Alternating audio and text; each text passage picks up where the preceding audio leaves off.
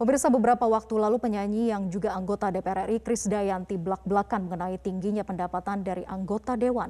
Tingginya pendapatan yang diperoleh anggota dewan terlebih pimpinan semestinya justru bisa lebih menjamin kinerja mereka, bukannya malah korupsi.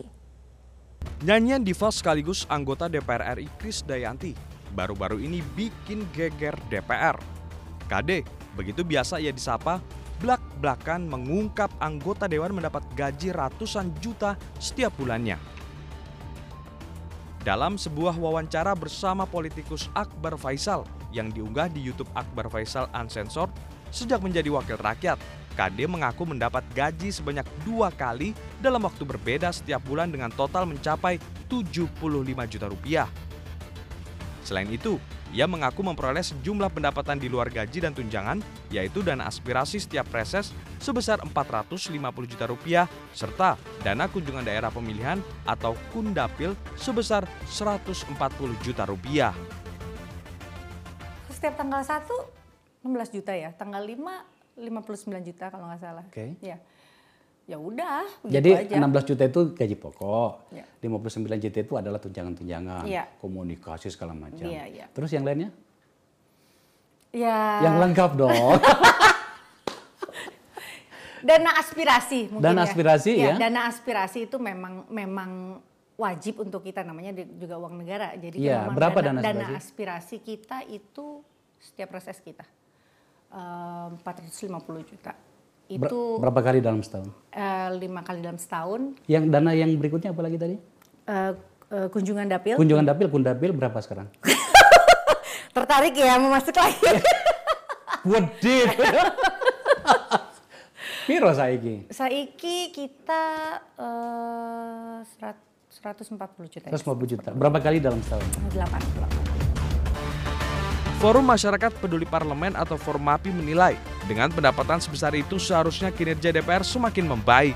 Namun terbongkarnya gaji fantastis para anggota dewan di tengah pandemi ini semakin menunjukkan jurang tajam antara wakil rakyat dengan rakyatnya. Gaji dan tunjangan anggota DPR RI selama ini sebetulnya sudah ditentukan dalam surat edaran Setjen DPR RI serta ketetapannya diatur dalam surat Menteri Keuangan.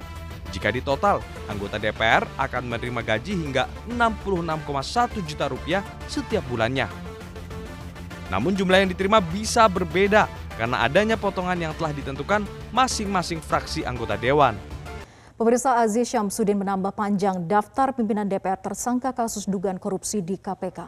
Mengapa anggota dewan begitu mudah melakukan korup? Apakah perilaku korup bagi anggota dewan sudah menjadi keharusan karena biaya politik yang mahal? Kita akan membahasnya bersama dengan Zainur Rohman, peneliti Pusat Kajian Anti Korupsi UGM. Pak Zainur, lagi-lagi pimpinan DPR diduga terlibat kasus korupsi. Jika melihat pada akar penyebabnya, apa sebetulnya yang membuat para anggota dewan yang terhormat ini begitu mudah melakukan korup? sebagai sarana untuk mencari rente ya menjadi calo dengan per- memperjualbelikan kewenangan yang dimiliki baik eh, kewenangan penganggaran, kewenangan pengawasan maupun penga- eh, kewenangan membentuk peraturan perundang-undangan. Nah, penyebab eh, mereka melakukan korupsi ada banyak hal, tetapi menurut saya memang yang paling besar adalah eh, high cost politik.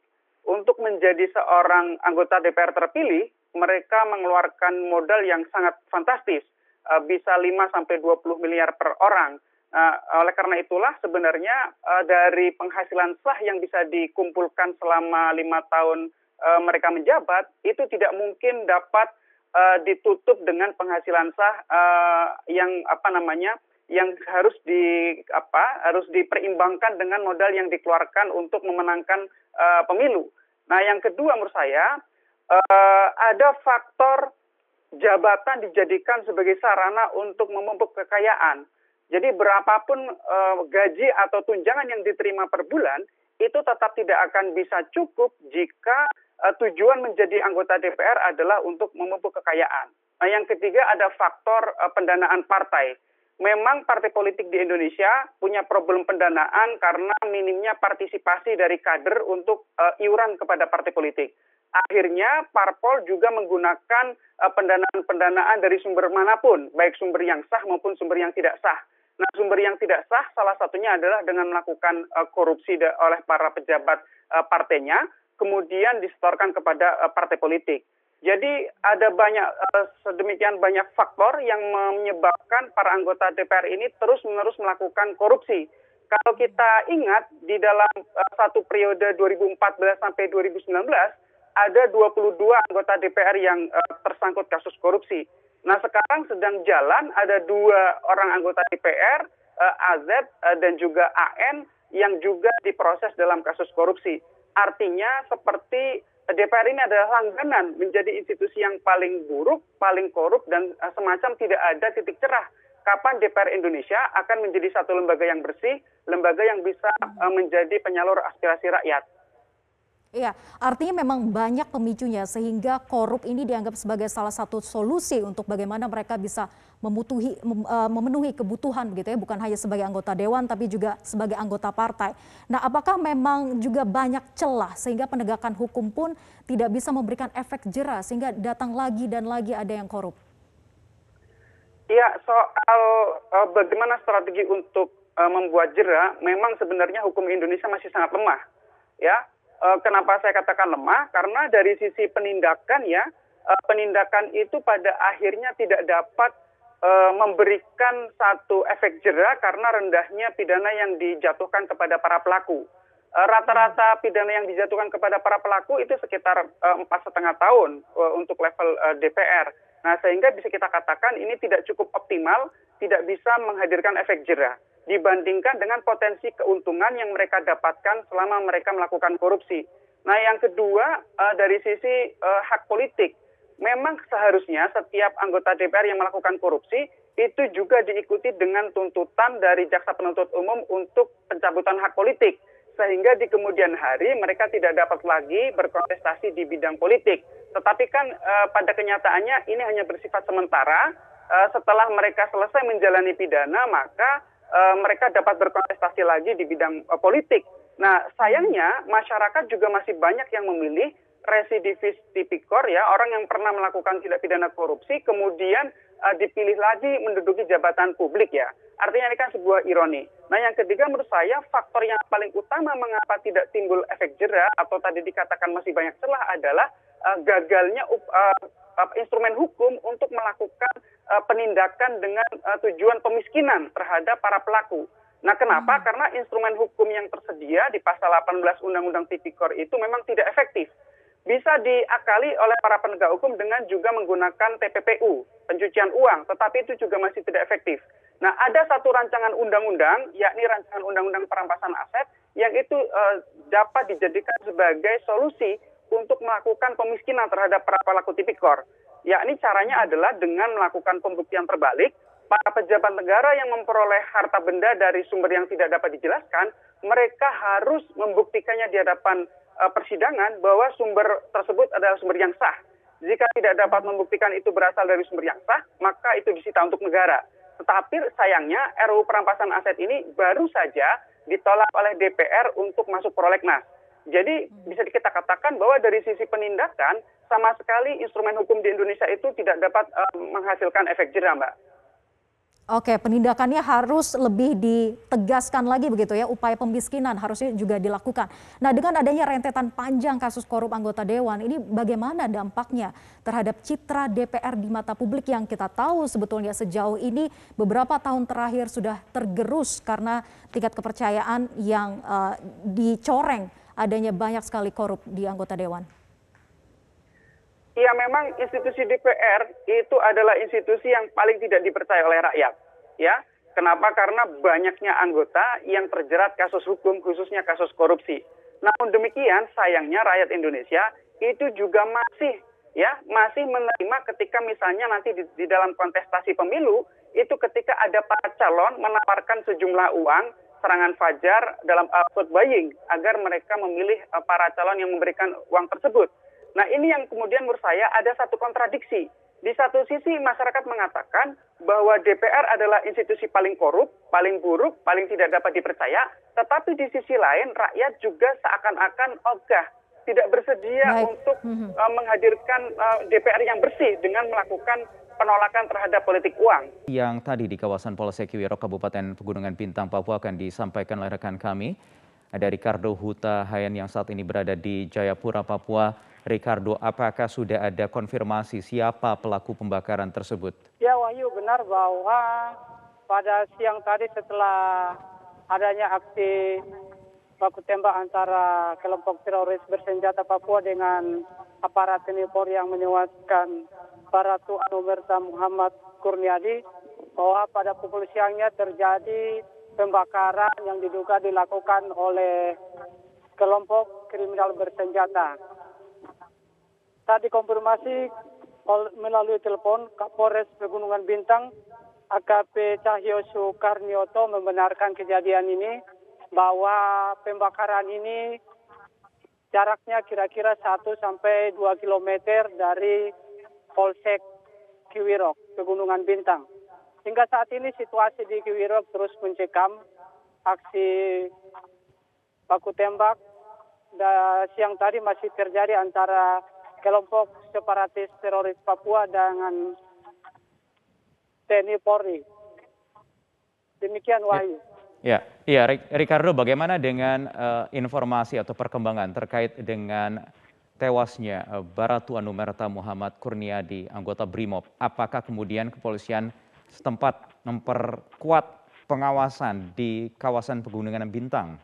Saat uh, jenazah Baratu Anumerta Muhammad Kurniadi dievakuasi dari Oksibil ke Rumah Sakit Bayangkara, Kapolda Papua Irjen Pol De, De Fakiri langsung mengunjungi jenazah dan di sana di Kapolda menyatakan bahwa akan mempertebal pasukan ke Kiriok secepatnya untuk melakukan penindakan dan pembersihan di Kewirok biar aparat TNI Polri bisa leluasa secara persuasif melakukan pengejaran terhadap kelompok teroris kriminal bersenjata.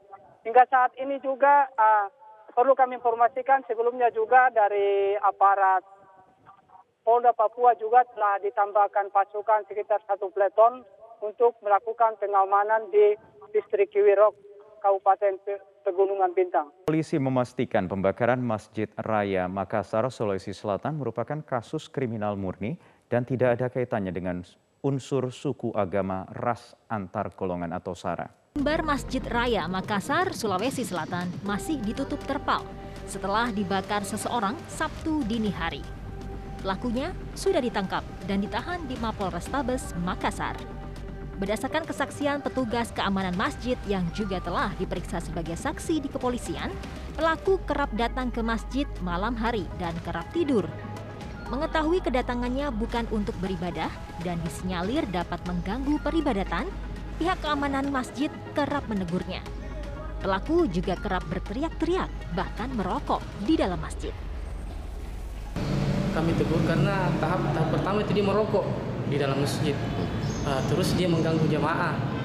Bahkan dia juga mengganggu kru-kru yang ada di sini, seperti penjual. Uh, ya bahkan pernah ada laporan itu bahwa seorang penjual itu hampir diambil HP-nya sama dia. Tak butuh waktu lama bagi polisi menangkap pelaku. Setelah pemeriksaan saksi, penyelidikan hasil rekaman CCTV, polisi berhasil melacak keberadaan pelaku dan menangkapnya di sekitar Jalan Tinumbu, Kecamatan Bontoala, Kota Makassar, Sabtu sore. Pelaku berinisial KB kemudian ditetapkan tersangka. Dari hasil penyelidikan awal, motif tersangka membakar mimbar masjid karena sakit hati kepada pengurus masjid lantaran sering dilarang beristirahat di dalam masjid. Barang bukti yang kita amankan antara lain ini ada sajadah yang sudah separuhnya terbakar karena pelaku ini menggunakan sajadah ini untuk eh, cepat terbakar di mimbar masjid ini. Kemudian ini adalah potongan-potongan dari mimbar yang ada di dalam masjid raya telah dilakukan pembakaran oleh pelaku.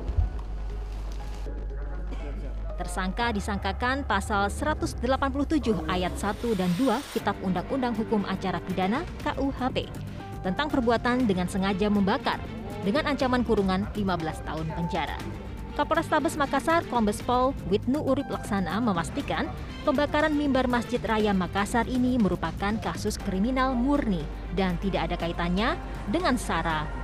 Polisi juga melakukan tes kejiwaan terhadap tersangka yang diduga memiliki gangguan kejiwaan. Setelah itu Menko Polhukam Mahfud MD meminta peristiwa penyerangan Ustadz dan perusakan rumah ibadah yang terjadi beberapa waktu terakhir ini harus ditindak tuntas dan diproses hingga pengadilan. Hal ini dimaksudkan agar diketahui betul motif dan pihak-pihak yang terlibat agar tidak menimbulkan berbagai spekulasi yang meresahkan masyarakat. Sehubungan dengan adanya kejadian di sejumlah tempat di mana berlangsung kekerasan dan tindakan brutal seperti yang terjadi beberapa hari yang lalu di mana seorang ustadz yang sedang memberi pengajian uh, atau berceramah di Batam, kemudian uh, ditusuk atau diserang oleh seorang yang tidak dikenal. Sebelum itu juga ada seorang tiba-tiba ditembak di tengah jalan. Kemudian yang terakhir hari ini ada kejadian di Makassar di mana seseorang membakar mimbar Masjid Raya di Makassar. Maka pertama-tama pemerintah menyatakan sangat menyesalkan kejadian tersebut dan mengutuk para pelakunya. Saya sudah memerintahkan dan ingin menegaskan kembali sekarang ini kepada aparat keamanan untuk mengusut kejadian itu. Dan pihak kepolisian memang sudah menangkap para pelaku. Yang di Makassar hari ini juga pelakunya sudah ditangkap dan sedang diproses untuk diselidiki dan disidik lebih lanjut atas kejadian itu. Saya berharap seperti yang sudah-sudah. Maka Pemeriksaan ini harus tuntas dan terbuka. Jangan terburu-buru memutuskan bahwa pelakunya orang gila. Seperti yang sudah-sudah. Dulu ketika Syekh Ali Jabir dianiaya oleh seseorang, lalu ada yang berteriak keluarganya dan sebagainya bahwa pelakunya orang gila. Pemerintah tidak sependapat kalau setiap pelaku itu harus dianggap orang gila. Biarlah orang-orang yang sudah ditangkap ini diproses, dibawa ke pengadilan. Kalau ada keraguan apakah yang bersangkutan sakit jiwa atau tidak, itu biar hakim yang memutuskan. Dibawa saja ke pengadilan agar terungkap kalau memang gila atau sakit jiwa pelakunya, biar pengadilan yang memutuskan. Saudara sekalian, saya juga sudah memerintahkan kepada aparat di pusat dan dan di daerah untuk meningkatkan pengawasan, meningkatkan kesiapsiagaan untuk menjaga keamanan dan membangun harmoni di tengah-tengah masyarakat. Kuda Indonesia menjawab tudingan Vanuatu yang mengangkat isu HAM Papua di sidang umum PBB. Tudingan Vanuatu tersebut dianggap tendensius menyerang soal kedaulatan NKRI sekaligus menyesatkan. Untuk kesekian kalinya Vanuatu mencampuri urusan dalam negeri. Berulah di sidang umum PBB dengan menuding Indonesia melakukan pelanggaran hak asasi manusia di Papua. Tudingan disuarakan PM Vanuatu Bob Lohman. Indonesia menjawab tudingan ini melalui sekretaris ketiga perwakilan tetap RI New York, Cindy Nurfitri, dalam sidang umum PBB. Indonesia secara tegas menolak seluruh tuduhan tidak benar Vanuatu yang tidak berdasar dan menyesatkan. I'm appalled that Vanuatu keeps using this August forum to infringe the sovereignty and territorial integrity of other member states and continues its ill intention and politically motivated aggression against Indonesia. We strongly reject false, baseless allegation and misrepresentation that continues to be nurtured by Vanuatu. Cindy mempertanyakan sikap Vanuatu yang secara sengaja menutup mata ketika kelompok kriminal separatis bersenjata ini membunuh para perawat, tenaga kesehatan, guru, pekerja konstruksi, dan aparat penegak hukum. Vanuatu deliberately closed its eyes when these armed separatist criminal groups murdered nurses, healthcare workers, teachers, construction workers, and law enforcement apparatus.